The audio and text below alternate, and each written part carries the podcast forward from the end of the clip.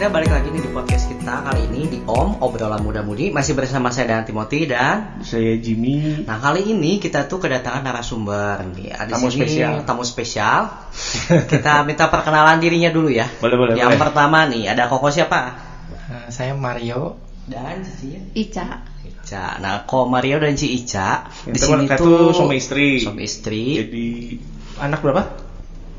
Saya anak keempat. Oh Bukan. Anaknya berapa maksudnya? Anak dua. Oke. anak dua. usianya berapa nih Ci Kita Sekarang teh 37. 37. Hah? U- uh, usia anaknya Usia anaknya usia ya. Anaknya Usia yang anaknya lebih yang sama. satu mau delapan, yang satu lagi empat. Oh, kirain saya usia anaknya sama sama usia anak Tiga tujuh. Hah? Anak angkat ini. Iya. Oke, Nah, jadi kalau eh, anak pertama umur 8. 8. Cowok. Cowok. Anak kedua Kedua cewek umur 4 tahun. oh jadi sepasang Pasang. eh, 4 tahun. Iya. Bedanya 4 tahun. Bedanya 4 tahun. Direncanakan atau enggak 4 tahunnya itu? Tidak sama sekali. Sama sekali enggak. Jadi memang brojol we gitu ya. Iya betul. Oke oke oke. Nah sekarang tuh kan kalau eh, podcast kita dari awal tuh kan memang eh, ngobrolin soal generasi gap generation. Nah eh, eh, di podcast kita yang kedua ya, eh yang pertama yang pertama kita tuh ngebahas soal eh, gimana sih perbedaan dari pola Setiap pikir dari generasinya Ah, dari, setiap dari generasi. baby boomer sampai ke generasi alpha pola pikirnya tuh perbedaannya di mana terus dari segi adat istiadatnya juga attitude-nya Hmm. juga gitu ya gimana sih perbedaan-perbedaannya itu terus Nah. mungkin apakah ada juga hal-hal gitu kan kalau para cici koko di sini mungkin sudah mengalami kan dari generasi awal sampai ke sekarang punya anak gitu kan. Apakah ada gitu eh, yang kemarin kita singgung yang disebut dengan gap generation gitu. Jadi misalnya dari orang tua ngajarin ke cici atau kokonya gimana terus yang tidak bisa diterapkan kepada anak tuh sekarang apa sih gitu? Nah, eh, sebelum pertanyaan itu, gue pengen nanya dulu, eh, lu dulu dididiknya eh, dari Mario dulu, dididiknya sama papa lu tuh gimana? Apakah eh, cara Belanda eh, kalau salah main pukul atau gimana? Hmm, kalau saya sih nggak kayak gitu ya. Eh, papa, mama lebih apa ya istilahnya lebih soft gitu. Oke, Eh, s- kalau didikan engkong ke papa itu lebih dulu zaman Belanda, lebih Eh. keras gitu. iya. Nah si papa nggak nerapin ke ke saya tuh nggak nerapin gitu. Oh, Oke. Oh jadi dari generasi engkong ke papa aja, kalau lu aja udah udah beda, Udah beda. cara cara didiknya Ya, udah beda. Udah beda. Nah itu pengaruhnya pengaruh kalau lu lihat di papa lu pengaruhnya apa? Nah waktu eh, si cara didiknya itu ke lu bedanya apa? Maksudnya dari cara eh, pola pikir atau dari cara eh, lu di sekolah waktu kan kalau dulu kan paling ekstrim kelihatan itu waktu sekolah kan atau enggak waktu kecil kan. Hmm. Jadi sebelum SMA mungkin sebelum kuliah lah Ya. kayak misalnya eh, lu belajar harus jam segini sampai jam segini misalnya atau misalnya nilai lu jelek lu dipukul atau misalnya kayak kayak gitunya lah Iya, kalau kalau saya dulu eh, si papa mama nggak nggak kayak gitu ya, Mm-mm. mungkin lebih lebih bebas gitu. Mm-mm. Jadi kalau eh, pelajaran juga nggak harus masuk ranking atau gimana gitu. Oke. Eh, kalau untuk ditanya-tanya, istilahnya cuman ma- sampai kelas 5 lah. Ah. Setelah itu man- mandiri lah, belajar sendiri gitu. udah belajar sendiri ya Udah belajar sendiri. berarti gitu. termasuk mamanya termasuk yang eh, apa sih kemarin kita ngomong teh udah udah Oh ya udah nggak terlalu Udah yang kayak terlalu. baby boomers Ah, banget ah, lah ya. ah, ah. Jadi udah yang bisa percaya ke, Ke anaknya, anaknya, lah ya. udah mulai ngebe- udah mulai bebas ya? bebas lah Ah, gitu. oke. Cuman kalau misalnya dari segi eh, apa ya kalau dari segi pola pikir gitu ya kalau misalnya kalau anak zaman dulu gitu kan ya misalnya dikasih tahu sama orang tua eh, kamu jangan berdiri di depan pintu ya. Itu tuh kalau kata orang kan pamali loh katanya gitu. Tapi kalau sekarang kan kita udah udah ini ya udah lebih pikir ya, ya ngapain berdiri di depan pintu ngalangi juga gitu kan ya. Iya. nah ada nggak sih misalnya hal-hal kayak gitu? Misalnya yang nggak bisa eh, diterapin sama anaknya nih gitu Hmm, maksudnya untuk yang hal-hal yang kayak tadi gitu. iya Maksudnya, maksudnya gini, kalau lu sekarang, eh, kalau zaman dulu kan kita ditakut-takutin tuh. ya gitu Misalnya Oh, nggak boleh iya, pulang malam. kuku malam-malam. ah, ah, Ya, gitu betul betul gitu Nah sekarang tuh lu ke anak lu eh, cara cara cara cara nakut-nakutinnya tuh gimana? Maksudnya lu untuk pengen menyampaikan suatu hal yang tidak boleh gitu dilakukan misalnya gitu. nggak boleh main pisau aja. Kalau zaman dulu kan nggak boleh main pisau nanti apa atau misalnya Mm-mm. eh, jangan pulang malam-malam ja- harus di rumah sebelum jam 6 nanti kalau dulu kan Ya, digondol ada kalau wewe apa segala Eh, macam. ya nah kan sekarang kan kayak gitu kan udah nggak mungkin dikasih tahu ke anak kan nah lu cara didik eh, anak-anak lu eh, soal peraturan-peraturan di rumah lah itu caranya gimana gitu Kalau gua sih lebih open minded ya. Jadi kalau misalnya untuk nerapin yang kayak eh, harus gini gitu ya, gua ngomong ngomong langsung gitu sama anaknya harus gini. Kalau si anaknya nanya kenapa mah gini-gini, gua coba ngomongnya secara jujur gitu. Karena kayak misalnya gini, nggak jangan main pisau misalnya nanti eh, ya langsung ngomong gitu. Soalnya kalau luka berdarah sakit gitu. Jadi langsung ngomong kalau jadi karena eh, kalau yang gue baca-baca gitu ya itu kalau psikologi untuk kita nakut-nakutin sebenarnya itu tuh membuat psikologi si anak juga jadi terganggu gitu Hmm. jadi dia lebih kayak nanti jadi anaknya kurang kepercayaan diri lah jadi penakut lah jadi apa jadi gue sih sebisa mungkin menghindari hal-hal yang kayak gitu gitu Terus kalau misalnya kalau zaman dulu gitu kan biasanya kalau ke anak eh itu kan kalau anak tuh ke zaman dulu tuh kan isinya patuh 100% lah ya. Kalau disuruh apa langsung, suruh apa langsung. Beda Iya. mungkin ya sama anak. Oh enggak. Oh enggak juga. nah nah gue pengen tahu kalau misalnya kayak zaman dulu lo disuruh sama papa lo misalnya eh kayak misalnya itu aja Eh, kalau mau main pisau mah kayaknya terlalu kecil ya mungkin kita juga nggak ingat misalnya jangan pulang di rumah harus sebelum jam 9 malam. Nah itu tuh eh, kan sebenarnya kita kalau gue pribadi ya kalau gue pribadi tuh gue tetap berusaha untuk pulang jam 9 karena ya nggak tahu kenapa tapi kayak keharusan gitu. Kayaknya kalau gua nggak nggak pulang jam 9 tuh nggak nurutin perintah mereka tuh kayaknya eh, jadi anak durhaka atau apa gitu dipikir. Walaupun memang nggak memang nggak sampai dipukul nggak sampai apa gitu. Tapi maksudnya eh, yang di pikiran lu waktu eh, waktu lu kecil lu di pikiran lu tuh apa gitu? Tapi kan kebanyakan kita nurutin kan sebenarnya kan? Nggak sampai yang sekarang kalau kalau gua lihat anak-anak sekarang tuh yang nggak mau tuh sampai nanya kritis banget gitu. Eh, kalau kita kan zaman kita tuh enggak kan nggak sampai nanya sekritis itu karena jawabannya tuh biasanya sesuatu yang eh, apa ya mistis kan jatuhnya gitu kan Gak bisa sih, cuman kalau zaman dulu kan biasanya kalau orang tua ngomong ah ya udah aja gitu kan kita kayak percaya diem aja Eh, gitu. Kalau anak sekarang kan nggak ya dikasih tahu harus detail jelas gitu kan. Kenapa sih harus kayak gitu? Kenapa nggak bolehnya tuh kenapa gitu? Kalau anak sekarang kan gitu ya. Kalau gua pribadi sih sebenarnya dari dulu ya jujurnya gua sebenarnya anak yang pembangkang dulu. Jadi Oh. kalau misalnya dibilangin pokoknya nggak boleh pulang malam, ya gua nggak akan pulang malam tapi pulang pagi misalnya. Oh, Jadi, keren, ya, keren, keren. kayak gitu. gitu. Jadi Iya.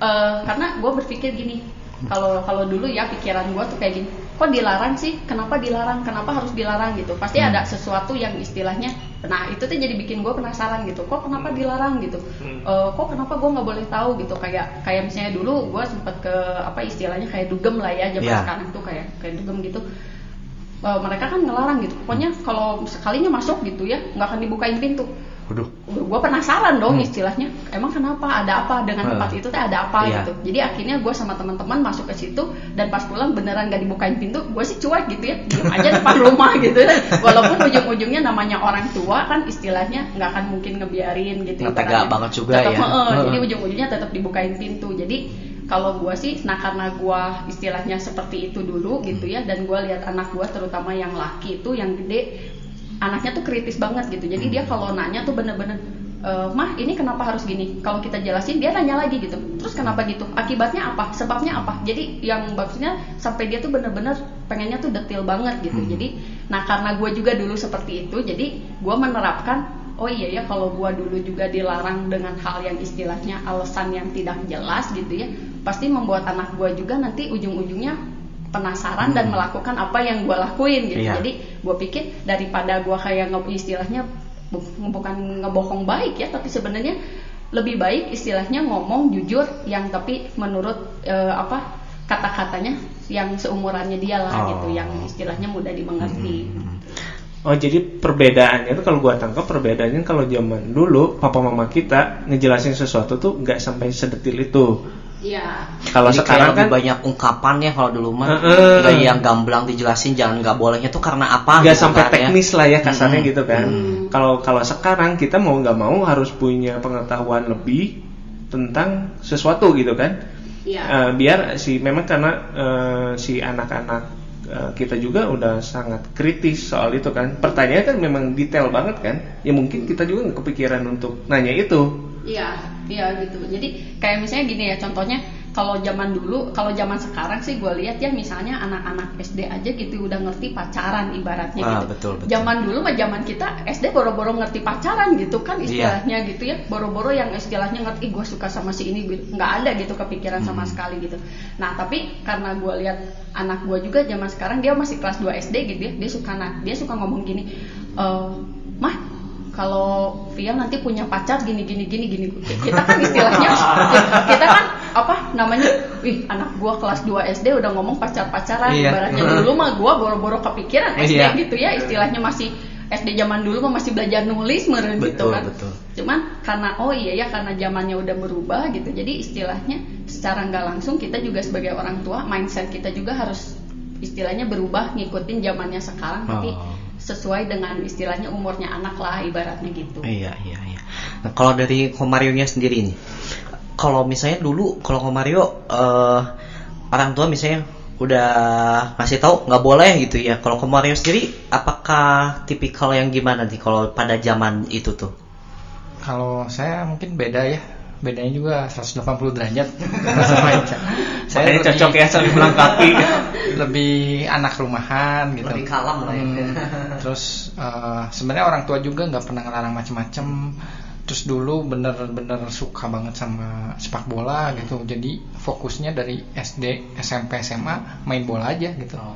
nggak kepikiran yang macem-macem ke mana gitu emang bener sih tadi eh, anak sekarang apalagi apa pikirannya teh udah eh, jauh banget gitu sama sekarang kayak istilah pacaran tadi aja dia pagi ya mengeluarkan istilah tahu nggak artinya jojoba apa coba tahu nggak jojoba apa Coba. Jomblo-jomblo bahagia. Eh, Oh, ah. Gua masih anak sekarang. Mah udah. saya bukan anak sekarang. Iya, iya, iya. Nah seperti itu gitu jadi eh, Gue sama Viel tuh masih seumuran. Beda lima tahun doang. Saya kasihan sama Vianya loh. jadi apa ya anak-anak sekarang tuh karena mungkin pengaruh medsos juga ya dia Iya, iya, medsosnya jadi kegiatannya kalau dulu mah kita lebih ber, ber- bermainnya tuh fisik ya maksudnya Oke, main oke. Pemain fisik jadinya ya. Bukan. Pukul-pukulan. mainnya lari maksudnya Iya, iya. main sama seumuran tuh main lari-lari atau main Outdoor lah ya, kebanyakan outdoor, gitu. ya. Kalau sekarang kan udah gadget gitu ya, Gadget, iya. me- medsos kayak gitu. Jadi sehari-harinya YouTube, YouTube, YouTube. Jadi pengaruh YouTube tuh Hmm. eh, ini banget lah, Nah, kental banget. Nah oke, kalau berarti kan memang dari kecil memang memang benar ya anak-anak yang generasi Y ya, eh Z ya, berarti generasi Z ini kan memang eh, lahir dengan gadget, lahir dengan teknologi gitu kan, karena ya bisa eh, bisa mungkin bisa dibenerin juga waktu yang kecil umur berapa bulan juga kalau dikasih handphone diem kan, Iya. padahal nggak diajarin kan, dan dia sebenarnya ya logikanya nggak ngerti apa-apa kan soal handphone kan sebenarnya. Nah, eh, dengan kondisi seperti itu eh, nyingkapinnya gimana? Maksudnya eh, ada beberapa yang gua kenal orang tua yang teman-teman kan eh, mereka melarang anaknya main gadget Senin sampai Jumat. Hanya boleh main hari Sabtu dan Minggu. atau ada juga yang ngasih boleh main gadget itu setelah mereka beres bikin PR atau eh, kalau ada tugas atau ulangan setelah itu baru boleh main sampai jam 9 misalnya. Nah, kalau di kalian nerapinnya gimana? Hmm, kalau kita sih lebih kayak kalau waktu dulu ya awal-awal tuh emang kayak gitu gitu. Jadi misalnya boleh main boleh main misalnya kayak nonton YouTube lah gitu ya. Oke. Lebih dari misalnya Jumat, Sabtu, Minggu gitu. Cuman kalau kita lihat lagi, kalau misalnya kita lihat lagi gitu ya, si anak itu lebih eh gue sih tidak tidak maksudnya tidak melarang ya. Dan gue juga tidak memungkiri bahwa sebenarnya dari dari kayak gitu juga membuat membuat otak si anak itu berkembang gitu. Karena jujur aja gitu ya kalau dulu gue merasa gue lebih jago kalau misalnya main game atau misalnya main komputer gitu ya dibanding anak gue yang sekarang umur 8 tahun. Tapi kalau sekarang gitu ya bisa kebalikannya gitu. Gue malah nanya sama dia Phil ini tuh gimana ya Phil? Gini gini dia yang ngajarin ih si mama mah ini tuh gini gini gini gini gitu. Jadi gue pikir teh oh iya juga ya dengan istilahnya eh, kita membiarkan anak eh, untuk bereksplorasi gitu ibaratnya. Tapi kita juga eh, masih istilahnya ada batasan gitu. Ada batasan hal-hal kalau misalnya kayak di YouTube kan banyak konten sebenarnya nggak pantas buat anak juga gitu ya. Atau misalnya sebenarnya dia kontennya tuh konten anak gitu tapi malah disisipin hal-hal yang sebenarnya tidak pantas juga buat anak gitu. Jadi gua sih lebih ke yang kalau ngelihat dia misalnya nonton apa gitu ya gue suka nanya itu tentang apa tentang apa gitu. Jadi dia cobain jelasin dulu gitu ya kalau misalnya oh ya kalau misalnya dia gini gini gini gini terus atau misalnya gue lihat sesuatu hal yang kayaknya teh nggak pantas gue langsung bilang nggak boleh nonton itu. Kalau dia nanya kenapa mama? Ya gue langsung jelasin gitu ya pokoknya gini gini gini gini gitu. Jadi membuat si anak itu teh mengerti kenapa dia nggak boleh sampai nonton itu gitu misalnya kayak gitu Tapi kalau untuk zaman sekarang kan teknologi itu udah benar-benar maju banget ya dibandingin zaman dulu gitu. Nah kalau buat apa sih yang dirasain gitu eh, sekarang dengan perkembangan teknologi sama pengaruhnya ke anak zaman sekarang tuh kayak gimana? Eh, sebenarnya harusnya apa ya orang tuanya tuh harus lebih pinter ya dalam teknologi juga kayak gini kayak YouTube aja contoh tadi anak saya via boleh nonton YouTube tapi dia nonton YouTube tuh pakai akun kan ada emailnya gitu Hmm. pakai emailnya email saya Hmm. jadi dia nonton apa pun Oh, historinya lu bisa nah, lihat ya. dari kantor pun saya bisa ngecek history dia tuh nonton apa aja Nah, dari situ misalnya saya lihat, oh ini nggak pantas nih. Nanti pas pulang atau misalnya saya kasih tahu si Ica gitu, yang ini tolong dibilangin, yang ini nggak boleh, ini nggak boleh. Gitu. Kalian eh, di protect nggak sih YouTube-nya? Kan ada sekarang kalau nggak salah pro- Di protect. YouTube, YouTube untuk Iya. anak ya, parental Iya. itu kan. Parental itu di protect. Oke. Eh, eh, dapat akses ke PC. Dapat. Berarti dia bisa browsing. Bisa. Di protect juga. Di protect. Oh, Oke.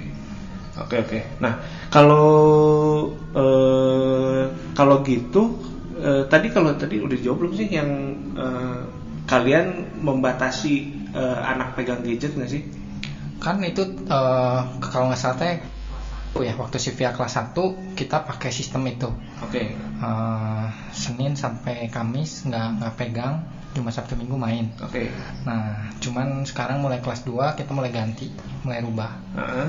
Eh, dia boleh tiap hari istilahnya. Kita pengen istilahnya apa ya? Dia mandiri gitu. Oh, dia kasih dia, tanggung dia, jawab dia kali punya ya? tanggung jawab sendiri. Ah. Dengan dengan dia boleh berma, boleh main istilahnya, tapi dia harus dia tanggung jawab dengan nilai-nilainya dia di sekolah gitu. Nah kalau sampai misalnya kebobolan nih, sampai anaknya nggak naik kelas, gimana tuh? eh kayaknya nggak mungkin ya soalnya selama ini juga kita kan pantau ya maksudnya kalaupun misalnya nilainya sampai turun gitu ya sebenarnya kita tuh kita berdua tuh dari awal udah udah sepakat kita sistemnya tuh eh, punishment and reward gitu ya jadi punishmentnya itu tapi bukan berupa fisik ya bisa misalnya punishmentnya tuh kalau dulu kan dia suka nonton misalnya kayak film eh, yang dapat apa film pedal pop tuh yang dapat Oh, CD-nya CD-nya. atau apa kayak gitu nah kita berusaha istilahnya eh, CD-nya kita ambil gitu. Jadi so kalau misalnya eh Phil nggak mau gini gini gini gitu ya, ya udah Phil juga nggak boleh gini gini gitu. Jadi lu nggak mau melakukan kewajiban lu, lu juga nggak boleh menuntut hak lu gitu. Jadi kita menerapkan itu dari awal kita menerapkan itu. Jadi terus kalau zaman dulu gua pakainya kayak kursi disiplin lah kita sebutnya. Jadi kalau si anaknya gimana gitu ya, kita suruh duduk, anak itu diam duduk, nggak boleh ke mana-mana, duduk. Mau nangis mau apa, pokoknya kita diam duduk duduk sampai dia berhenti nangis akhirnya kita tanya tahu nggak salahnya di mana? Tahu nggak kenapa mama marah? Tahu nggak kenapa papa marah? Gitu loh. Jadi eh, karena kalau gue lihat ada sebagian orang tua tuh cuman yang bisanya tuh marah-marah tanpa dia ngejelasin gitu loh. Nah, kenapa betul, betul. kenapa orang tua tuh marah gitu? Mm. nah kalau gue nggak mau. Kenapa? Karena gue pernah ngalamin istilahnya eh, dulu papa gue emang agak keras ya. Jadi kalau gue salah dikit gue tuh diikat gitu loh diikat di ya maksudnya diikat di ya maksudnya dihukum lah kalau dihukum. Nggak tidak se ekstrim sampai yang dipukulin pakai rotan gitu nggak gitu. Cuman kayak tangan sama kaki diikat gitu kan jadi nggak bisa ke mana-mana. Tanpa gue sendiri pikir gue salahnya apa? gitu. Karena anak kecil kan dulu pikiran gitu kan gue salahnya apa kok sampai dihukum kayak gini? Nah karena gue ngalamin itu jadi gue nggak mau anak gue juga istilahnya kalau misalnya mama papa marah mereka harus tahu loh kenapa orang tua gue sampai marah gitu. Jadi gue menerapkan itu sama anak kalau misalnya mereka sampai udah kan ada kalau anak kan biasanya suka tantrum ya Tantrum tuh apa eh, tuh? tantrum tuh jadi kayak si anak tuh kayak apa sih eh Penyanyi kotak ya? rewel, rewel gitu terus apa eh, yang bullying Oh. ah, Oh, gitu. Jadi yang iya. kalau misalnya dikasih apa nggak boleh kan suka yang wah gitu ya yang Oh, sampai iya, gimana iya, gitu. Kayak kerasukan gitu ya. Heeh, nah jadi kita kita yang istilahnya yang kita ngadepin kayak gitu tuh eh, kalau gue sih ngadepinnya diantepin gitu loh. So, Oh. lu mau mau istilahnya sampai gimana? Karena biar gimana pun juga nanti capek sendiri gitu kan. Walaupun di tempat umum. Iya. Kalau gue nerapin gitu. Jadi Kalau bahasa Jermannya tuh kayaknya kokosekan di lantai gitu ya. oh, benar. Jadi kalau gue sih menerapkan itu gitu ya. Jadi istilahnya tidak semua yang lu mau lu bisa dapet gitu. Karena kalau eh, sistem kita tuh bukan memanjakan anak ya. Karena kalau kita manjain anak si anak tuh nggak akan dewasa lah ibaratnya gitu. Nggak akan mandiri, nggak akan punya tanggung jawab. Jadi kalau gue sih menerapkan itu. Jadi kalau lu lu mau ini ya lu kerjain dulu kewajiban lu apa gitu. Sama masalah gadget juga kayak gitu gitu. Jadi kalau misalnya sok lu mau ini gitu ya kasih nilai lu yang terbaik gitu. Karena gua tahu kemampuan anak gua seperti apa jadi sekalinya dia turun gua langsung ngomong kenapa ini nilai bisa gini? Kenapa ini gini? Gitu ya. Pokoknya mama minta gini gini gini gini. Sok kalau kan mama udah kasih kebebasan sama Piel Piel juga buktiin kalau Piel juga bisa gitu. Nah, si anak pernah minta sesuatu yang ya kan eh, mungkin handphone baru atau misalnya konsol baru. Kalau misalnya dia akhirnya dia akhirnya dia ada kemungkinan ngebalik kan. Sok, berarti kalau saya juara satu, saya pengen ini ini ini. Nah, eh, cara ngatasinnya gimana? Eh, itu terjadi ya waktu dia mau naik ke kelas 2 Oke. Nah, kita bilang kalau ranking 1 dapat handphone baru gitu. Iya. Nah, itu udah perjanjian gitu. Oke. Ternyata dia nggak nggak masuk ranking gitu. Eh, Haleluya gitu ya. maksudnya bukan eh, dia nggak ranking 1 gitu, Oke, oke. tapi masuk tiga besar ya. ranking lima besar lima, lima nah istilahnya eh, kita juga nggak nggak terlalu saklek dengan Iya, iya, nggak iya. boleh handphone baru gitu istilahnya oke lah dia kan nggak ranking satu jadi bapaknya yang dapat handphone baru dia Oh, dia iya. yang dapat handphone bapaknya gitu Itu sih trik bapaknya, Bu. Ayo, paham paham kalau gitu Iya, paham paham paham, paham, paham. Kayaknya sebelumnya dibisikin dulu. Iya. Tahun depan beli PS4. Mintanya ini aja gitu ya. Terus terus terus. terus sekarang juga kan dia lagi seneng apa eh, selain ya maksudnya dia juga cukup puas lah dengan handphone meskipun handphone second gitu Iya, iya. cuman tetap dia sekarang lagi pengen PS4 sama Nintendo Switch Nah, kan bener kan? Nah, iya, Ini iya. kayaknya keinginan bapaknya nih. Jangan habis ini mereka berantem cuy. nah Terus terus. mungkin nggak tahu ya kita akan menerapkan hal yang sama dengan Eh. ranking atau enggak Eh, soalnya juga masih jauh kan Iya, Eh, iya. untuk kenaikan kelas kenaikan kelas 3 masih jauh gitu Eh, kayak tapi sepertinya nggak nggak akan sih nggak akan di ACC tuh Oh, untuk itu juga. untuk itu Kalau- juga nggak oke, akan di oke. ACC Karena memang ya maksudnya ya itu juga cukup lumayan kan. Iya. Lumayan mahal kan. Eh, Tapi sebenarnya eh maaf dipotong ya. Tapi sebenarnya gini, kalau misalnya kita kan kayak eh, ngasih imbalan ya istilahnya ke anak gitu. Kamu bol eh, kamu boleh ngelakuin ini, tapi kamu harus prestasi, ber- berprestasi dulu gitu. Sebenarnya kan dari kecil udah dididiknya kayak gitu gitu ya. Sebenarnya kalau dari segi eh, mental anak ke depannya, kalau menurut si Koko bagus nggak sih gitu kalau hal-hal kayak gitu diterapkan gitu hmm, takutnya kan Iya. jadi kayak ke apa ya, kayak kayak jadi kebiasaan gitu takutnya nanti ah ya udah saya juga pengen jadi juara satu karena saya pasti dapat ini. Tapi kalau takutnya one day tiba-tiba eh, nggak diwujudin keinginannya dan udah nggak dapat apa pun tiba-tiba dia ah ya udah saya nggak usah yang eh, apa belajarnya yang gimana banget toh udah saya juga apa yang saya pengen nggak dikasih gitu Ya, makanya sebisa mungkin kalau kita udah buat perjanjian sama anak itu harus di dilakuin ya. Jangan sampai kita yang mengingkari janji itu jangan sampai gitu. Nah, tadi apa ya? Jadi Eh, kalau maksud, maksudnya ke mental Nah, mental berpikir mentalnya. dia kalau misalnya udah Nah, udah gitu. udah kita sih nggak sangat tidak eh, merekomended untuk mempush anak untuk eh, dia berprestasi di sekolahnya gitu. Eh, lebih ke IQ bukan IQ ya istilahnya. Oh. Jadi eh, lebih ke etika dia, lebih ke istilahnya mah IQ kan eh, Iya. cara ya emosionalnya, lah Emosionalnya ibaratnya gitu. gitu. jadi dia lebih lebih pakai kayak eh, sosialnya dia gitu Hmm. jadi kita kayak kayak misalnya gini ya saya nerapin tuh kalau misalnya kalau dia kan kadang eh, kalau feel itu anaknya tuh jiwa sosialnya tinggi sebenarnya gitu. Gue pernah istilahnya bayar ke kantin sampai gede banget gue tanyain kan tante ini anak beli apa aja?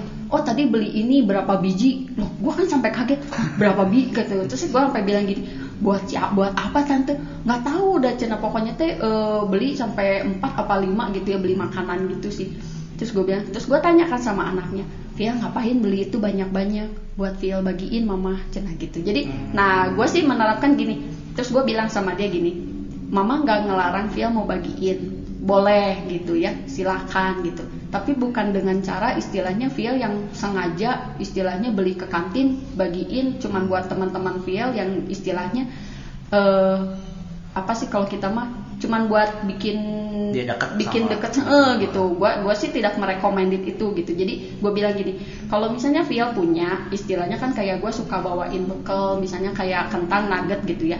Kalau misalnya Via mau berbagi sama teman silakan gitu loh. Iya. ya eh, justru kita seneng kalau si anak mau berbagi gitu. Tapi bukan dengan cara yang istilahnya karena kalau menurut buat gua sih nggak baik juga ya. Takutnya nanti dia cari temen cari apa tuh dengan hal-hal yang seperti itu Iya. kan nggak baik juga Iya, gitu. jadi ya kayak kita sih menerapkannya itu gitu. Jadi lebih ke lebih ke sosialnya dia tuh seperti apa gitu. Bukan bukan istilahnya kayak di sekolahan eh, cari temen harus yang pintar misalnya gitu ya. Cari temen harus yang pintar biar dia ikutan pintar apa gitu segala macam. Karena kalau menurut gua gua punya keponakan gitu. Yang satu eh, berjuang istilahnya berusaha keras berusaha keras untuk mendapatkan nilainya gitu ya.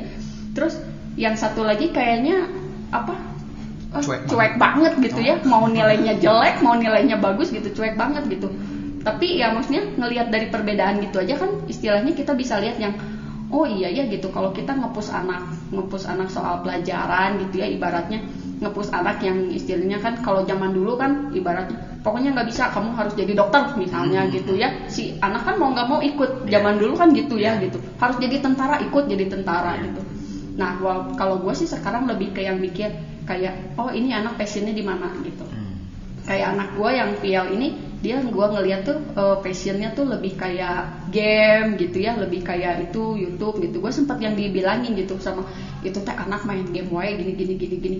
Terus gue bilang gini selama si anaknya bisa berkembang gitu ya eh, dengan main game nggak jadi masalah buat gue gitu. Tuh banyak istilahnya gamer-gamer sekarang ka- kalau gue lihat gitu ya bisa cari duit dengan dari situ gitu Iya, kan. Jadi kalau kayak misalnya kayak tadi gitu yang untuk apa eh, mental si anak atau apa gitu kalau gue lihat sih cara pener gimana cara penerapan kitanya sih sebenarnya gitu. Cara penerapan kita ke anaknya tuh seperti apa gitu. Jadi nggak selalu apa yang dia mau juga. Kadang kayak misalnya gini gue ngejanjiin eh, so kalau via gini nanti kita berenang. Gue nggak bilang besok berenang. Atau misalnya hari ini berenang. Hmm. gue cuman bilang nanti kita berenang. Nah misalnya e, misalnya sok ulangan misalnya ulangan Mandarin dapat 100 be- nanti kita berenang gue selalu ngomong gitu nanti kita berenang. Dan dia misalnya buktiin gitu maaf ya ulangan Mandarinnya 100 ayo kita berenang. Gue jawab nanti. Mama kan udah janji mau berenang. Mama janji mau berenang tapi nanti nggak sekarang. Ada saatnya mama bawa Fiel berenang gitu. Jadi gue tuh selalu kalau misalnya janji janji sama anak nggak bilang "E, nanti besok mama beliin ini gitu. Atau misalnya nanti hari ini mama beliin ini gitu. Jadi gue selalu kalau janji sama anak gue janji gue pasti tepatin tapi gue nggak pernah bilang kapan waktunya gitu Oke. Terus eh, tadi ada satu yang menarik Eh, untuk beberapa kasus, untuk beberapa eh, peraturan di rumah, kalian ini kan, maksudnya eh, kompakan dulu kan? iya Nah, pengaruhnya apa sih yang kalau terjadi kalau misalnya, misalnya kan ada satu, pasti ada salah satu dari kalian yang lebih nggak tegaan, Hmm. Bener kan? enggak juga Enggak juga ya. Maksudnya Hmm, eh, istilahnya mah saya setuju dengan dia mau apa eh, menghukumnya cara gimana juga nggak masalah sih. Eh, percaya gitu, percaya. Oke oke. Eh, Nah itu tuh eh, maksudnya kalian obrolin, maksudnya eh, misalnya ada satu, ini udah udah mulai udah misalnya si anaknya udah mulai kelihatan nih. Misalnya sekarang kan udah umur kelas berapa dua ya. Dua.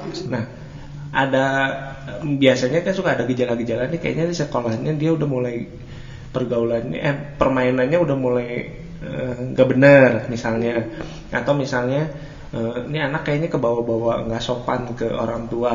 Nah itu kan ada ada udah mulai kelihatan tuh eh, eh, ciri-cirinya udah mulai ke arah sana. Nah kalian tuh sempat ngobrol eh, untuk eh, apa ya kayak bikin peraturan baru di rumah. Eh, itu tuh kalian sempat ngobrol dulu, Diskusi. diskusi dulu. Nanti misalnya lu lu bagian yang ngukum, lu bagian yang rewarding. Kan kadang kan anak kan butuh butuh apa ya namanya butuh dipeluk butuh di itu nah itu tuh kalian ada sampai segitunya nggak bikin role di keluarga atau gimana Kalau spesifik mah enggak ya. Cuman kita pernah waktu itu kasus eh, sebenarnya bukan berhubungan dengan eh, pelajaran atau gimana ya. Lebih kita emang lebih condongnya ke moral lah moral istilahnya. moral gitu. Istilahnya dia selalu kayak mengeluh eh, apa ya? Ah. kerjaannya ngomel, Ngomel, menggerutu gitu ya. Jadi kalau misalnya gitu di kan. kalau suruh ngapain teh, ih apa sih si mama teh blablabla." nah gitu. Istilahnya ah, kita jadi orang tuanya kesel kan ya dengerin yang kayak gitu gitu ya, ini anak teh ngomong wae gitu ya. Kalau kadang kalau tiap kita ngomong apa dia ikut ngomong gitu ya. Kita ngomong apa dia ikut ngomong. Jadi ya maksudnya kita juga orang tua kan masih manusia lah ibaratnya kesel juga kan yang ngomong gitu. Akhirnya kita tuh sepakat gitu ya. Maksudnya kita berdua tuh sepakat kalau misalnya si anak masih kayak gini gitu ya itu gitu. Kita sistemnya punishment and reward gitu. Jadi kalau lu bisa ngilangin kebiasaan lu seperti itu gitu ya oke kita bakal kasih apa yang istilahnya eh, kayak misalnya dia kan kayak tadi gitu dia hobinya nonton YouTube gitu ya. Kita kasih kebebasan lu buat nonton YouTube gitu. Waktu selama itu lu ya. tidak menggerutu. Tiga- setiap dia melakukan hal itu maksudnya menggerutu itu eh, hari itu dia nggak boleh YouTube terus setiap Iya, nggak boleh pokoknya nggak boleh pegang gadget nggak boleh nonton gadget. YouTube nggak boleh istilahnya sama sekali hal-hal yang berhubungan yang menurut kita dia suka. Kita nggak istilahnya dia nggak boleh.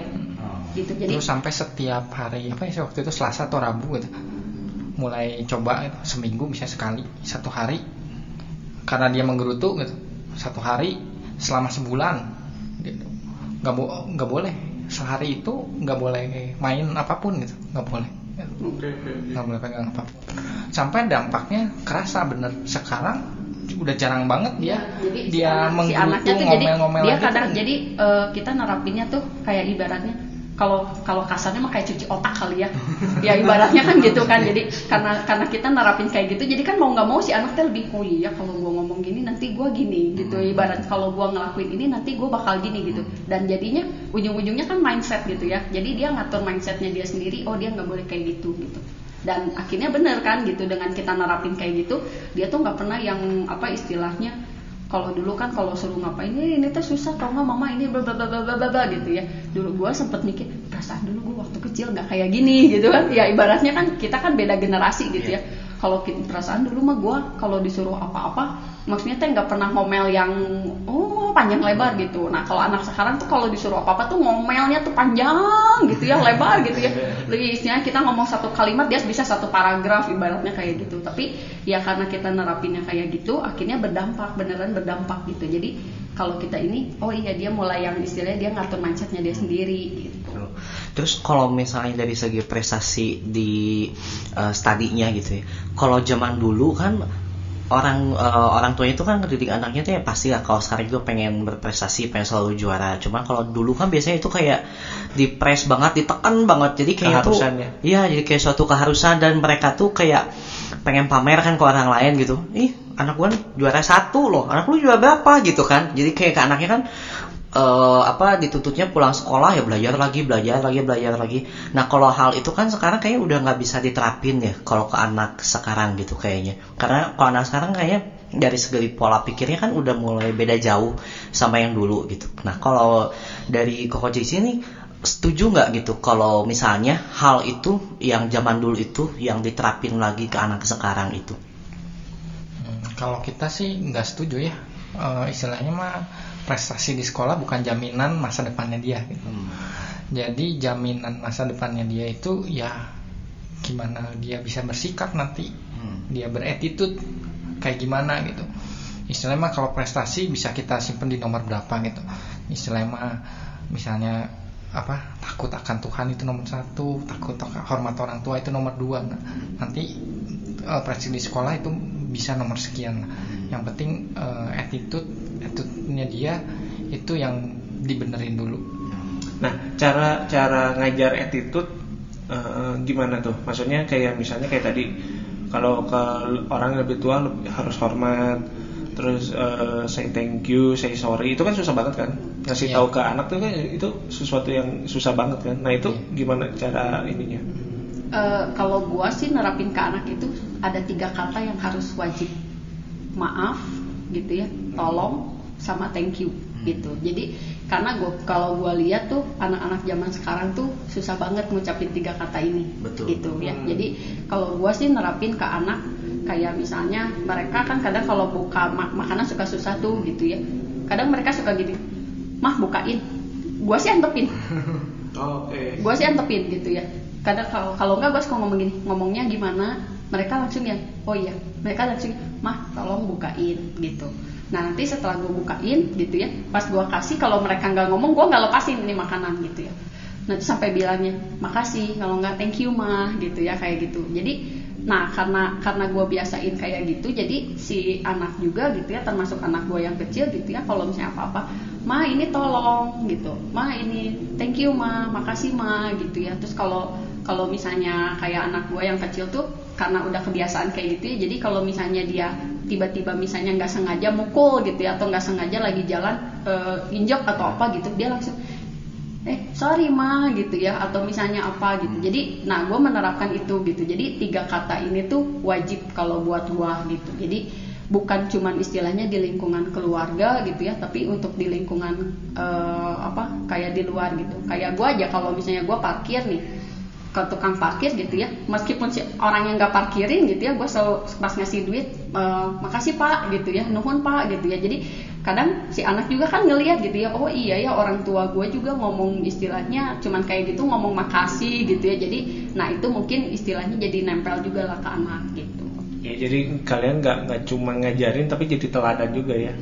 Iya. Jadi memang harus emang eh, harus berulang-ulang itu di, dilatihnya. Iya. ya berulang-ulang sampai nempel lah istilahnya kayak gitu tuh. Dan biasanya mereka nggak bisa cuman teori gitu. Iya, iya. Terus mereka juga lebih lebih lebih cepat untuk ngelihat perilaku orang terus dia tiru kan daripada eh, maksudnya gini eh, kayak misalnya kalian eh, kalau nggak temennya lah temennya bikin apa misalnya eh, kalau ngasih eh, bolpen misalnya dia pinjem bolpen ke temennya terus temennya ngasihnya secara ngelempar itu kan biasanya kebawa ke rumah kan Iya. nah nah eh, itu cara cara cara ngatasinnya gimana ya paling kita bilang ngasihnya yang bener dong ambil lagi. Kayak gitu. Di istilahnya mah supaya yang dia tahu mana yang Benar, mana yang salah ya? mana yang salah. Kayak gitu. Emang pengaruhnya nggak cuma dari teman gitu kan istilahnya dari YouTube juga itu Iya, gede banget. gede banget gitu. Nah itu yang harus kita saring. Eh, nggak semua konten YouTube meskipun misalnya gamers atau apa pun ngomongnya Iya, iya. sopan gitu. Ada yang ngomongnya Keceplosan kan atau Nah, apa gitu. itu yang kita harus benerin. Kalau dia udah mulai tahu dari mana? Dari si ini. Nah, mungkin kita bisa jangan nonton lagi yang channel ini gitu. Ini eh, orangnya ngomongnya nggak sopan. Jadi jangan ditonton.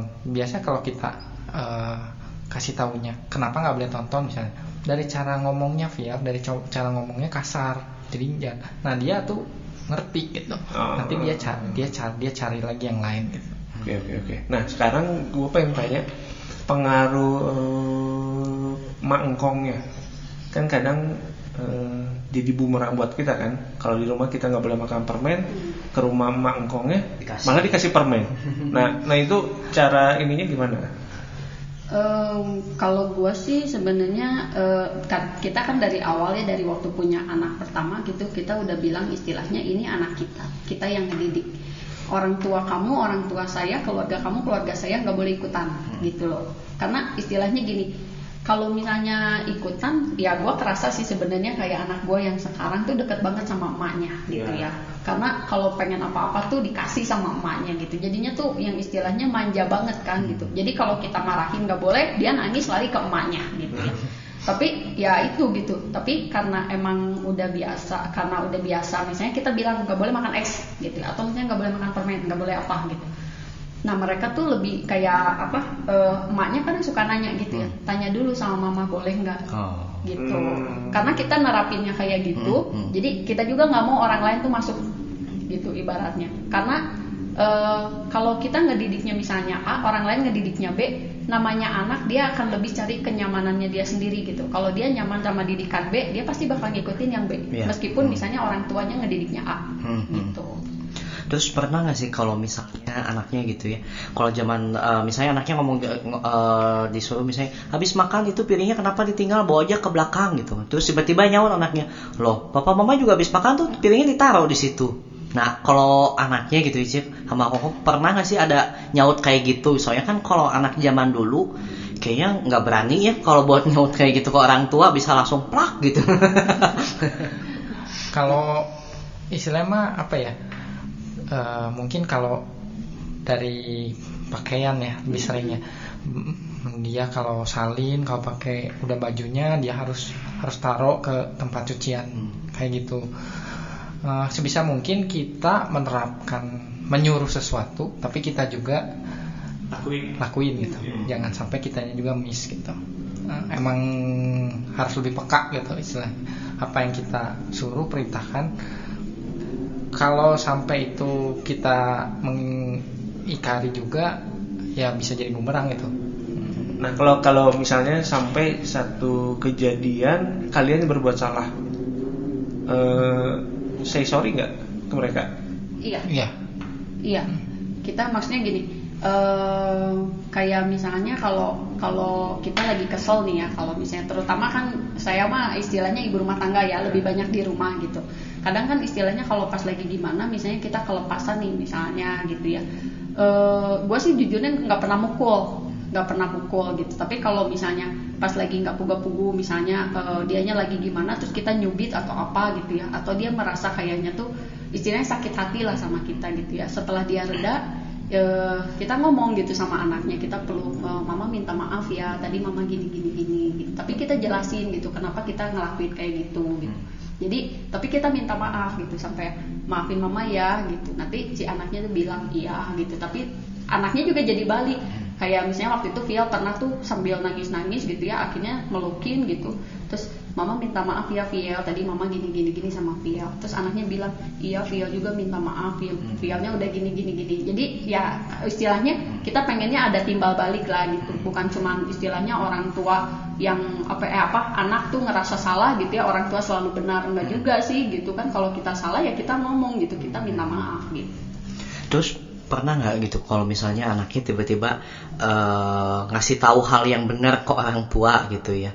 Eh, contoh misalnya dalam aktivitas sehari-hari di rumah gitu kan. Mah itu tuh eh, misalnya eh, kok naruh piringnya kayak gitu sih? Harusnya kan naruh piringnya di raknya.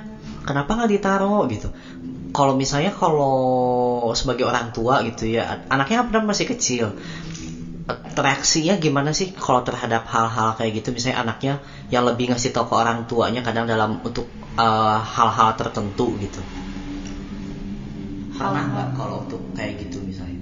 Hmm, mungkin untuk yang kayak misalnya sering sih ya ngasih Kayak tahu hal-hal tahu, tapi lebih ke apa ya so tahu Iya, jadi jadi kita kadang kalau misalnya dia ngomong apa, kita juga mencerna dulu gitu ya, karena eh, anak zaman sekarang mungkin istilahnya kita juga nggak tahu dia tahu dari mana gitu ya atau pemikirannya kayak gimana, dan gue juga nggak tahu ibaratnya setiap anak kan pasti beda ya Iya. gitu. Tapi anak gue yang pertama ini sebenarnya benar-benar unik gitu. Dia menanyakan sesuatu hal yang seben- kita sendiri juga istilahnya jadi ikut mikir gitu ya, kayak ikut mikir. Kayak istilahnya gini, dia pernah nanya gini, "Eh, mah kalau kalau di Taman Eden singa makan apa? Gitu. Kita, kita kan mikir ya. Kita kan mikir iya ya di Taman Eden singa makan apa gitu maksudnya untuk hal-hal yang kayak gitu. Kayak kemarin ini dia sempat nanya eh nanya apa gitu. Mah itu teh kenapa namanya itu? Gitu. Da- kita, kita balikin itu mah sama aja kayak nanya kenapa namanya bantal dan guling? Gitu. Ya terus dia nanya iya terus kenapa mah namanya itu kita kan bingung ya kita mau jawab apa. Akhirnya kita bilang ya itu mah karena yang ngasih namanya duluan Via yang ngasih namanya siapa? Jadi ya untuk untuk untuk hal-hal yang kayak gitu kayak misalnya dia ngasih tahu apa ngasih tahu apa gitu. Kita kita mikir dulu gitu kita mencerna dulu. Ini si anak eh, istilahnya ngasih tahu dengan benar gitu ya atau misalnya dia tuh ngasih tahu tapi istilahnya pura-pura apa karena so tahu gitu ya atau misalnya heeh gitu. Dia ngasih tahu karena dia ngetes mau ngetes orang tuanya tahu atau enggak gitu ibaratnya. Jadi kita kalau misalnya si anaknya ngomong apa gitu kita kadang suka yang diam dulu mencerna gitu Ih, aku udah ngomong naon gitu. Kadang gitu sih gitu. Tapi oh nggak boleh. Kalau kayak kemarin gitu ya eh, ini juga lucu gitu obrolan mereka berdua dan kakaknya yang sok tahu gitu. Kakaknya sok tahu jadi adiknya nih habis habis kencing nih habis pipis udah gitu saya nanya si mama ke mana oh, si mama lagi pipis. Oh gitu. Terus eh, siapa? Si adiknya teh eh, apa sih kakaknya oh kakaknya dia nanya. Eh bentar. Adiknya dia nanya. Bentar, saya ingat lagi. Pokoknya intinya gini kakak kakaknya tuh bilang "Eh, kalau cewek itu oh gini eh, adiknya tuh bilang kalau cewek pipisnya jongkok ya. Iya jongkok ini obrolan mereka berdua ya. Saya cuma dengerin. Si kokonya bilang kalau cowok itu pipisnya berdiri. Cenah. oh gitu. Adiknya nanya kenapa kalau cewek pipisnya harus jongkok? Terus kokonya bilang karena kalau cewek itu udah disunat dari bayi. Cenah. kalau cowok disunatnya tuh umur 78 saya ya diem aja lah. Nah ini menarik nih. Eh, gimana masukin eh, apa sih namanya yang ya soal-soal itu seks seks ke anak-anak. Apakah eh, kalian udah mulai masukin eh, pendidikan seks ke mereka? Hmm, sebenarnya secara tidak langsung eh, kayak gini ya, kayak kayak Via tuh pernah Via pernah nanya, kenapa di perut mama ada dede gitu. Ah. Dia dia sempat nanya gitu, kenapa di perut mama ada dede. Ya kita sebagai orang tua bingung kan, nggak mungkin ngejelasin gamblang gitu ibaratnya gitu. ya. Prosesnya Oh, gitu. oh, gitu. Jadi kita kita cuman bilang gini, ehm, iya Viel itu kan eh, dede itu tadinya tuh kecil banget gitu. Jadi eh, kita tuh bilang jadi di di perut mama itu ada kantongnya gitu kan. Jadi itu teh kantong buat itu. Nanti kalau misalnya dedenya udah ada gitu ya, waktu awal-awal kita jelasin gitu gitu. Nanti eh, Tuhan yang kasih dedenya masukin ke dalam perut mama gitu. Jadi kita awal-awal tuh jelasinnya kayak gitu gitu. Nah, tapi dengan seiringnya waktu kita kita bilang gini, eh, oh Via mau punya anak, dia bilang gitu. Kaget kan gitu. Anak gitu ya. Masih anak-anak udah bilang mau punya anak gitu ya. Terus dia bilang gini nanti Via mau mau mau cari mau cari istri katanya. Mau masukin anak Via katanya. Ke gitu. Kita nanya kan cara Via masukinnya gimana? Tinggal Via doa aja minta Tuhan katanya suruh masukin anak Via gitu ya, ya. tenang ya kalau itu ya. Ya, cuman kita waktu itu mikir mikirnya gini oh si anak berarti udah udah mulai rada menjurus ke sana nih kita bilang gini. Boleh Via Via mau punya anak berapapun juga nggak apa-apa tapi satu hal yang pasti Via harus nikah dulu Via cari istilahnya Via cari pendamping hidup dulu Via harus nikah dulu. Terus dia nanya kenapa mah harus nikah dulu? Iya karena kalau Via-nya nggak nikah dulu nggak boleh. Tuhan juga nggak akan kasih Via anak gitu. Jadi kita kita istilahnya nerapinnya yang nggak gamblang gitu tapi benar-benar yang seumurannya dia bisa dimengerti lah ibaratnya gitu. Oh, terus kan kalau isinya kalau masalah kayak seks gitu kan kalau Indonesia tuh masih tabu lah ya. Apalagi buat anak-anak sekarang justru itu kan malah jadi kayak udah mulai paham mereka ya dari yang kecil-kecil dari yang TK aja segala. Kayak misalnya anak-anak sekarang gitu ya yang TK yang TK TK gitu kan pulang ke rumah udah tiba-tiba ngomongnya ini pacar aku loh. Jangan padahal masih TK gitu kan udah ngaku aku ketemunya ini pacarnya gitu. Nah untuk menyingkapi hal kayak gitu gitu ya cara memberitahu ke anaknya itu tuh timing timingnya tuh harus gimana sih? Atau misalnya ada kapan umur berapa? Iya usia Ah, berapakah ataukah misalnya ada cara khusus gak sih dari orang tua buat menyampaikan kepada hal eh, ke anak gitu ya karena di Indonesia kan itu masih suatu hal yang masih sangat tabu gitu takutnya kan malah anaknya kayak tadi ya, dari luar kan kita nggak tahu ya dia dapat info dari siapa gitu kan di luar ada omongan apa gitu Kalau untuk istilah pacaran itu, kita pernah nanya kali ya. Kalau istilahnya kita pengen tahu dulu, menurut Viel, pacar itu apa? Iya, ilmunya sampai mana ya? Iya, ilmunya sampai mana itu pacar itu apa? Misalnya dia bilang kalau cowok sama cewek temenan deket itu pacar, cina. Oh, kalau dalam pemikiran dia istilah pacar cuman Eh, se- segitu. segitu ya sudah kita masuk aja gitu Eh. istilah nggak akan dijelaskan sampai kalau Melebihi dia, oh, melebihi dia ya sudah gitu Nah kalau kalau kalau kayak gitu berarti better eh, bet- sebenarnya better ilmu-ilmu kayak gitu eh, better dari orang tua kan? Dia tahu dari orang tua dulu daripada dia tahu dari luar kan? Eh, kalau untuk istilah-istilah Nah, mungkin ya kalau istilah kan mungkin dia dia bisa dengar dari mana pun. Iya. Tapi kan maksudnya kalau misalnya eh, sampai pacaran, eh, konsep pacaran yang benar gitu kan? Konsep ya, pacaran yang benar. mungkin kalau sekarang kan belum ya belum waktunya gitu. Heeh. dari segi umur juga umur 8 tahun belum. Oke. tapi kita lebih kalau dia dapat istilah-istilah yang menjurus-jurus sana kita selalu tanya gitu. Hmm, menurut Via itu apa? Jadi kita pengen tahu dulu Oke, pemikiran dia tuh sejauh mana. Oke. dia tuh apa? Itu apa itu apa itu apa? Nah kita baru menilai. Kalau misalnya dia terlalu jauh kita benerin. Hmm, kalau misalnya menurut kita cu- ya cukup lah pemahaman dia sampai situ cukup nggak usah Oke. kita tambahin nggak usah apa ya udah Oke. gitu aja Nah, sekarang pertanyaan gue, anak pertama sama ke anak kedua, cara asuhnya beda nggak?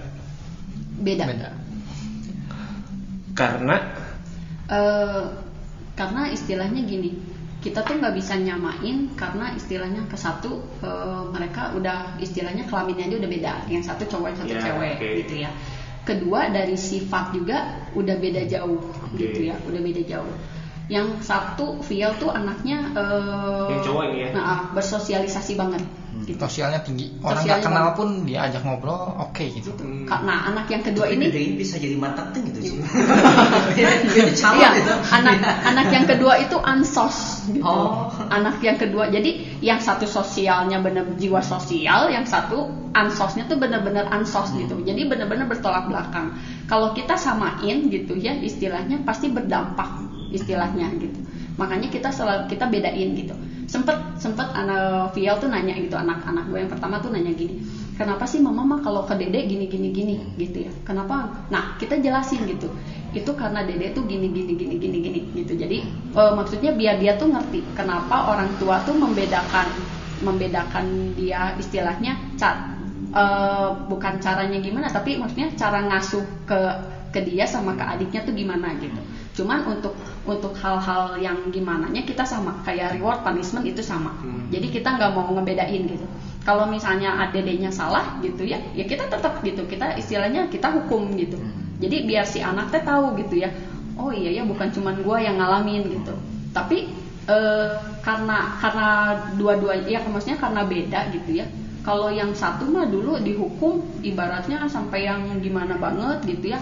Terus kayaknya teh nggak ada kapoknya gitu. Nah kalau yang kedua ini gitu ya cukup mamahnya marah dia diem. Jadi nggak sampai yang kayaknya teh eh, Lebih mewah lebih ya. heeh, Gitu, gitu. Jadi jadi nah karena karena kayak gitu jadi kan kita juga istilahnya beda ya. Kayak punishmentnya beda gitu kan. Kayak nggak bisa disamain kalau misalnya dulu hmm, feel ada misalnya yang namanya kursi disiplin gitu ya. Nah untuk yang kedua ini nggak bisa diterapin kayak gitu. Gitu. Jadi eh, kita kita bedain gitu punishmentnya seperti apa gitu. Misalnya karena sekarang tuh dia tidur masih sama gua kan gitu. Kalau mau tidur nyarinya mama mau sama mama gitu. Tapi kalau misalnya dia gimana mama nggak mau tidur sama dede mau dia sampai nangis nangis gimana pokoknya mama nggak mau tidur sama dede gitu. Jadi nah untuk untuk hal-hal yang kayak gitu kan menurut gue itu udah punishment gitu. Loh karena biasanya biasa kan sama mama sekarang enggak gitu. Nah jadi untuk untuk kayak gitu sih ya kita bedain gitu ya soalnya selain dari bedaan sosial sama sosial satu lagi sifat tuh yang kelihatan banget tuh kokonya tuh jahil banget anaknya. Iseng Hmm, jahil banget. hmm. adiknya cengeng banget. Cengeng Oh, pisan oke. jadi kalau dulu kita istilahnya masih mencari-cari tahu sifatnya dia gitu tiap kali kokonya gimana adiknya nangis langsung kan koko itu adiknya jadi gimana gimana istilahnya eh, apa ya sekarang jadi tahu ternyata itu dijadiin senjata gitu sama adiknya gitu Oh, Nah. iya, iya, iya. jadi mulai kalau adiknya udah mulai nangis gitu dan kita tahu gitu itu hanya acting. acting kita antepin gitu Ah, oke oke. Nah, semua ilmu ini tuh sempat maksudnya belajar dari mana? Kalian sempat ikutan pernah dapat ilmu? Eh maksudnya ikutan Parenting seminar, parenting atau apa? Eh, enggak sih. Kalau gua kalau gua sih karena dulu gua punya tiga keponakan. Eh, gua sempat ngasuh keponakan gua tiga tiganya gitu. Eh, dan gua tuh lebih kayak milih eh, keponakan gua yang pertama gitu ya. Dia tuh sekarang tuh ibaratnya eh, kalau dibilangin sama orang tuanya nggak mau dengar gitu ya. Karena dulu kalau sama mama gua sama emaknya ibaratnya gitu. Jadi kalau misalnya dimarahin nih sama mamahnya gitu ya atau sama papahnya dibelain sama emaknya jangan gitu atuh udah biarin misalnya gini gini gini jadi berdampakan sama si anaknya gitu nah kalau kalau gua sih lebih yang istilahnya eh, gua nggak setuju hal yang kayak gitu gitu ya jadi waktu itu juga sempet istilahnya gua marahin gitu ya gua sempet bilang kalau lagi dimarahin jangan ada yang dibelain gitu Istilah. Nah, gue juga nerapin itu ke anak gue. Jadi kalau misalnya kayak misalnya gini, dia marahin nih gitu ya, dia marahin anak gitu. Walaupun misalnya gue nggak suka cara dia marahin anak gitu, gue nggak akan ngomong langsung depan anaknya Hmm. gitu. Ya. Nah jadi biasanya setelah anaknya misalnya tidur atau apa gitu, gue bakal samperin dia. Kamu teh kalau marah sama anak teh jangan gini gini gini gitu. Karena biar gimana juga namanya orang marah pasti ada omongan yang secara tidak langsung teh kayak nyakitin lah gitu ya ibaratnya. Nah gue selalu ngomong sama dia, kamu teh kalau marah sama anak teh jangan gini gini gini gini gitu. Nanti teh si anak tadi si anak teh kan kalau misalnya dimarahin sama dia gitu ya suka ngomong kan tadi si papa gini gini gini sambil nangis gitu gua kan istilahnya gini namanya anak mau cewek mau cowok harus deket sama orang tuanya Iya. gitu jadi kalau sampai si anak aja udah jaga jarak sama orang tuanya kan susah Hmm. makanya kalau udah kayak gitu gue suka ngomong kamu ya eh, nanti kalau misalnya gini gini gini gini gitu ya. Jadi gue gue suka ngomong gitu. Jadi biar gimana pun juga kita sih emang kita berdua jarang-jarang ya. Jarang maksudnya jarang ngomong jarang gimana gitu. Kita biasanya kalau ada apa-apa juga gue suka kasihnya lewat WA gitu. Kayak tadi di sekolah tadi si Via di sekolah gini gini gini gitu. Atau misalnya tadi si Via atau Cleo di rumah gini gini gini. Jadi secara tidak langsung meskipun dia kerja dia tahu situasi di rumah tuh seperti apa. Gitu Hmm, iya. Jadi jangan jadi kalau papanya pulang jangan jadi senjata buat mereka ngadu gitu kali ya.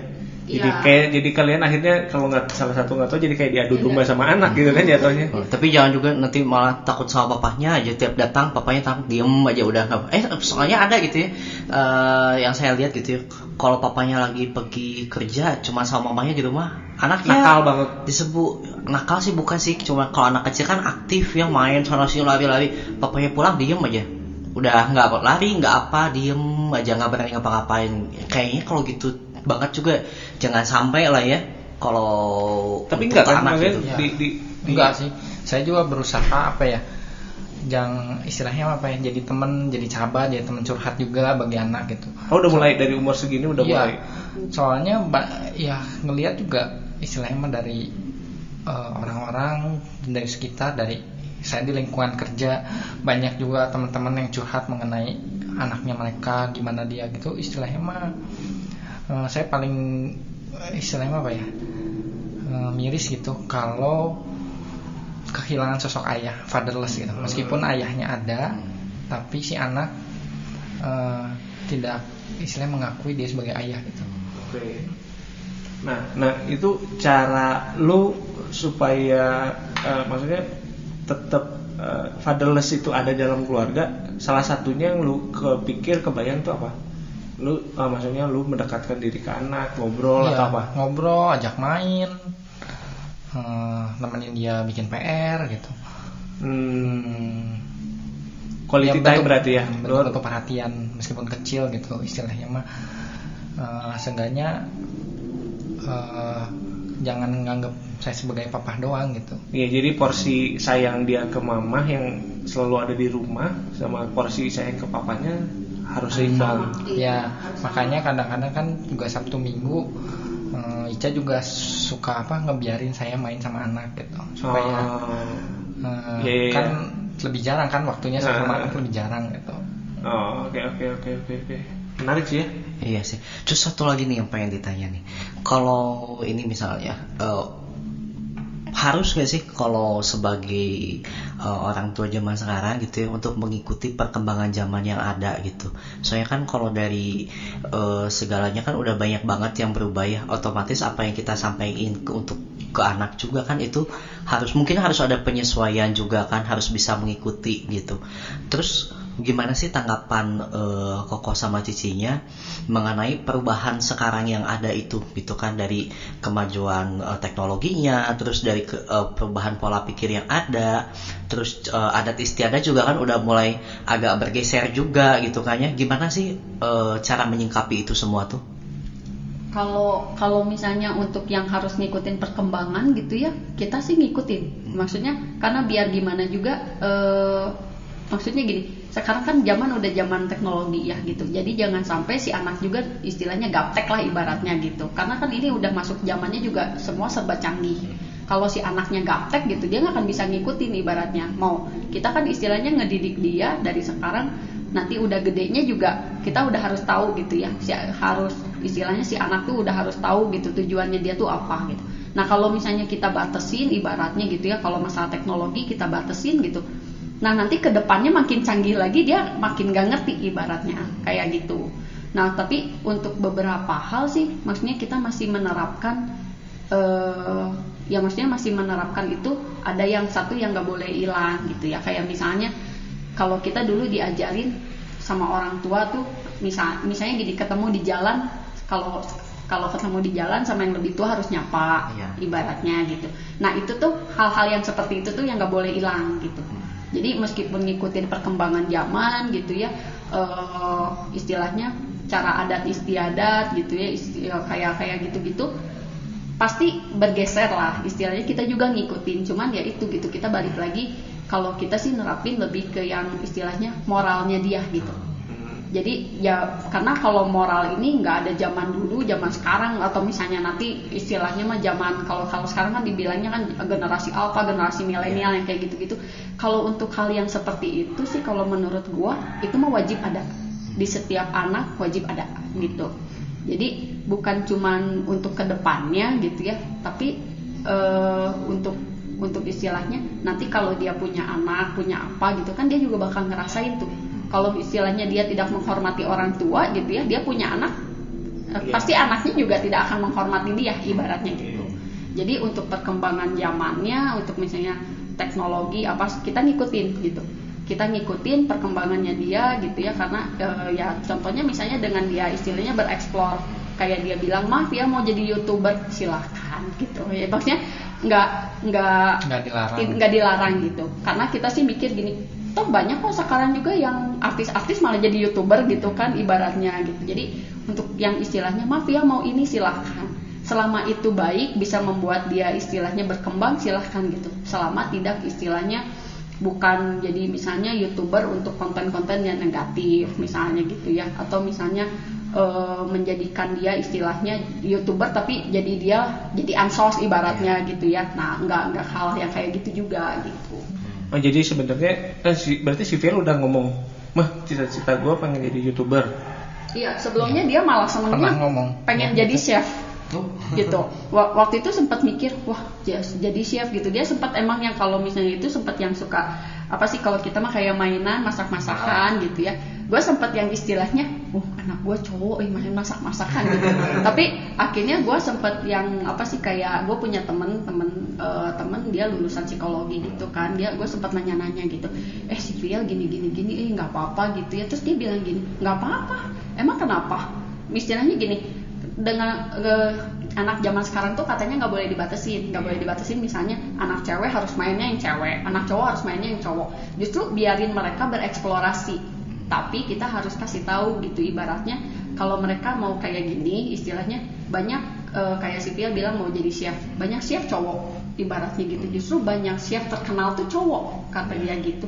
Cuman katanya yang harus diiniin kita tetap harus diarahin. Jangan dibiarin gitu doang katanya gitu oh gue jadi mikir oh iya juga ya gitu ya. Maksudnya kalau zaman dulu kan anak cowok main masak-masakan ih gitu ya kesannya tuh yang apa eh, banci lah apa gitu ya yang kayak gitu. Nah ternyata gue dapet dari ya maksudnya gue tanya temen gue nggak gitu juga katanya selama kitanya masih yang istilahnya ma- mengarahkan lah ibaratnya gitu ya. Bisa kok jadi misalnya kalau dia emang bener mau jadi chef ya nggak apa-apa siapa tahu dia bisa jadi chef terkenal katanya gitu. Jadi nah tapi ya namanya anak kecil kan berubah-berubah tuh cita-citanya gitu ya. Sekarang bilangnya dia mau jadi youtuber. Katanya kita sih yang silahkan gitu ya. Kalau misalnya emang mau jadi youtuber silahkan gitu. Kita masih dukung-dukung aja gitu. Kalau saya dalam istilahnya mah teknologi gitu ya, yang penting juga eh, orang tuanya juga jangan ketinggalan gitu.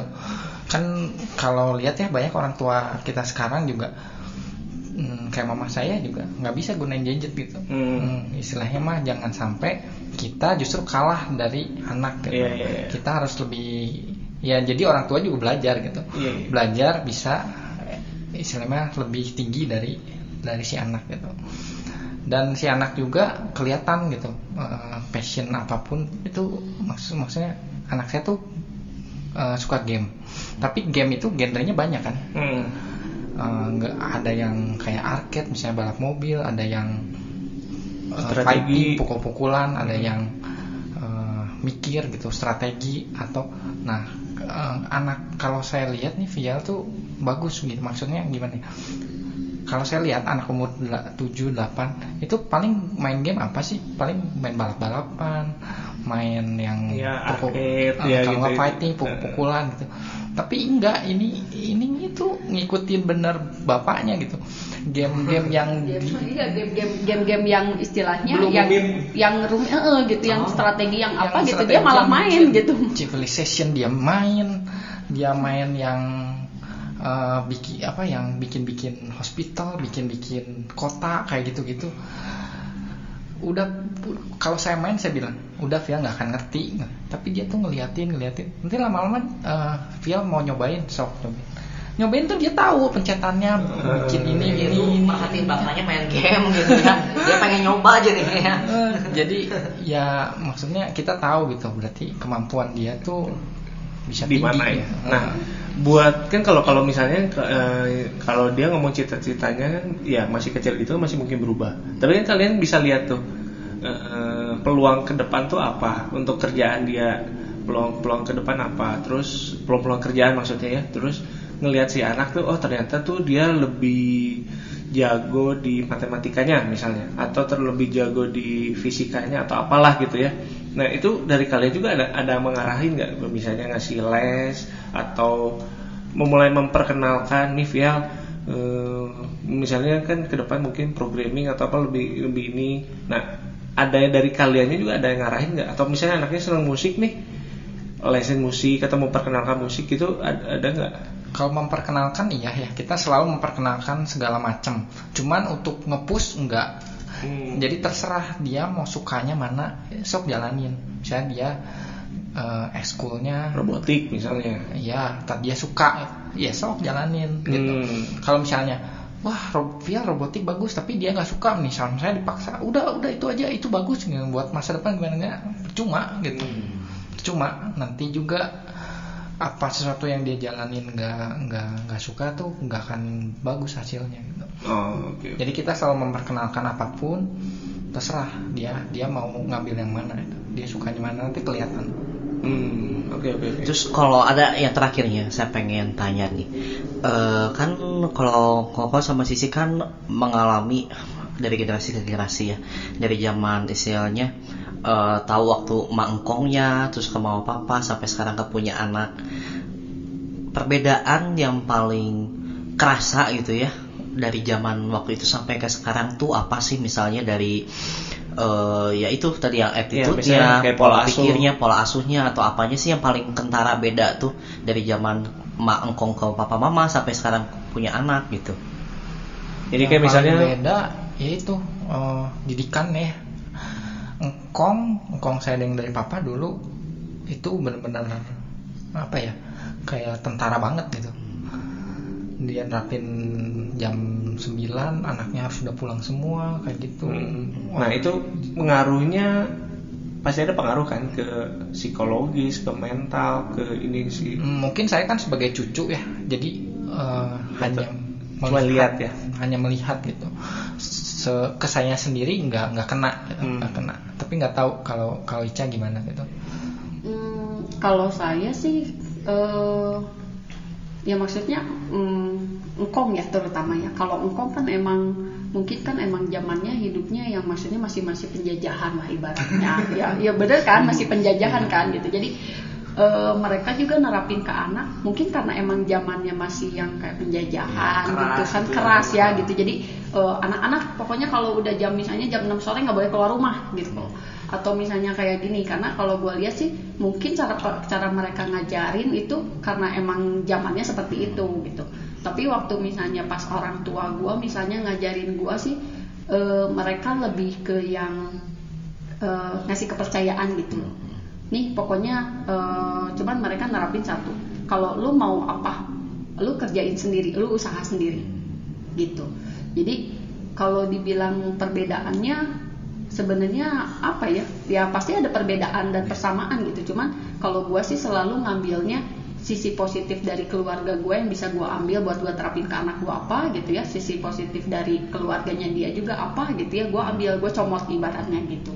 Jadi kayak keluarganya dia kan gue suka meskipun papahnya ngerokok anak-anaknya nggak ada yang ngerokok gitu. Jadi gue suka suka ngomong sama sama anak gue tuh uh, feel ngerokok itu nggak bagus gitu ya feel, istilahnya merusak kesehatan bla bla bla bla bla gitu. Terus dia bilang gini tapi engkau ngerokok? Iya berarti uh, engkau kan merus uh, istilahnya udah dikasih tahu udah diomongin gitu ya. Tapi karena engkau masih ngerokok tapi kan anak-anak engkau nggak ada yang ngerokok papa nggak ngerokok gitu. Kita ngomong gitu. Jadi dia istilahnya yang oh iya ya uh, istilahnya gue nggak boleh gini gitu. Jadi untuk yang kalau dibilang perbedaan sih gua rasa sebenarnya ya karena karena apa ibaratnya generasinya juga udah beda mungkin dia jadi cara penerapannya juga ya pasti beda gitu. Kayak misalnya kalau zaman dulu kan nggak ada gadget ya gitu. Main lebih ke yang istilahnya main bola main layangan gitu ya. Main main apa sih kalau terus udah gitu zaman dulu kan cewek cowok main bareng gitu ya.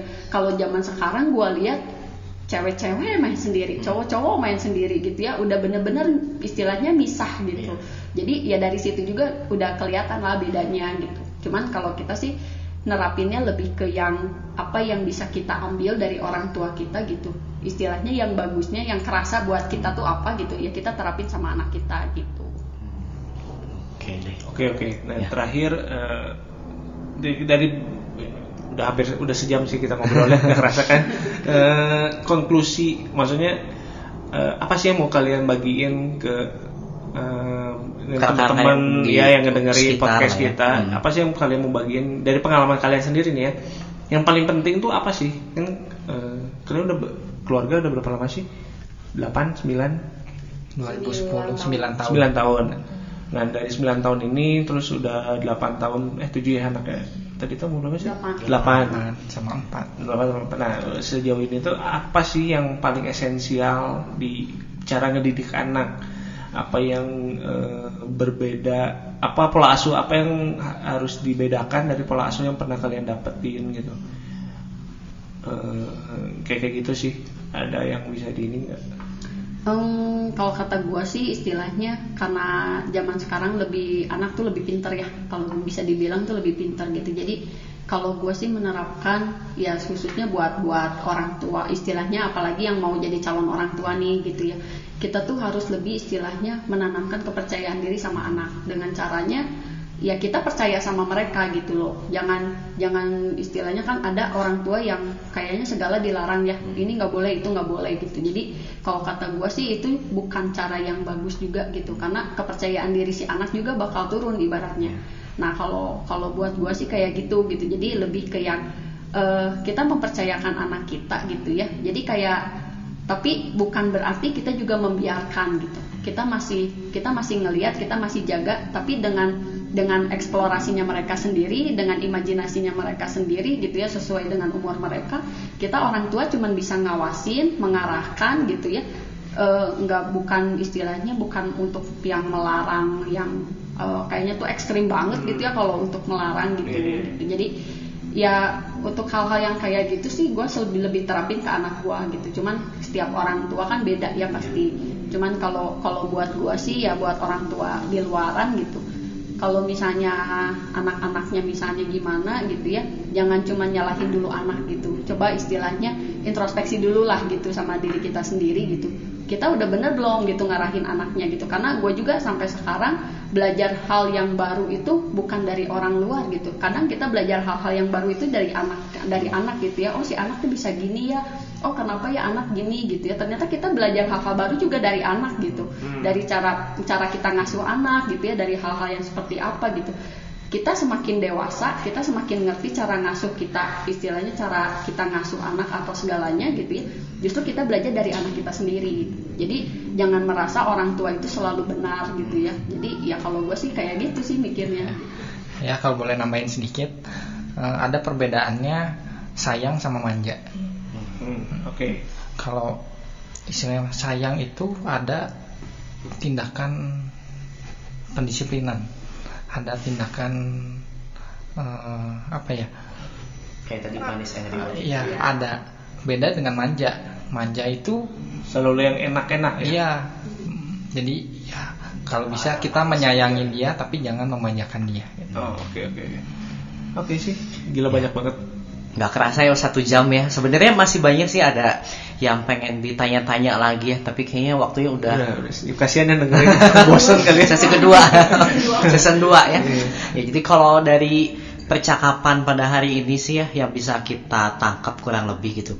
Jadi eh, kita tuh ya intinya ya tetap ya harus bisa ngikutin perkembangan zaman yang Ya. ada ya supaya kalau kita nggak ngikutin juga kan nanti malah gapnya itu makin kerasa, kerasa, ya apalagi ya. nanti kalau bagi yang udah punya anaknya makin kerasa kan ya sama anaknya anaknya bisa ini itu kitanya malah jadi yang cengkok yang nggak tahu ya anaknya lebih canggih itu juga lebih bahaya jadi kita nggak bisa ngontrol ya buat ke bawahnya gitu kan.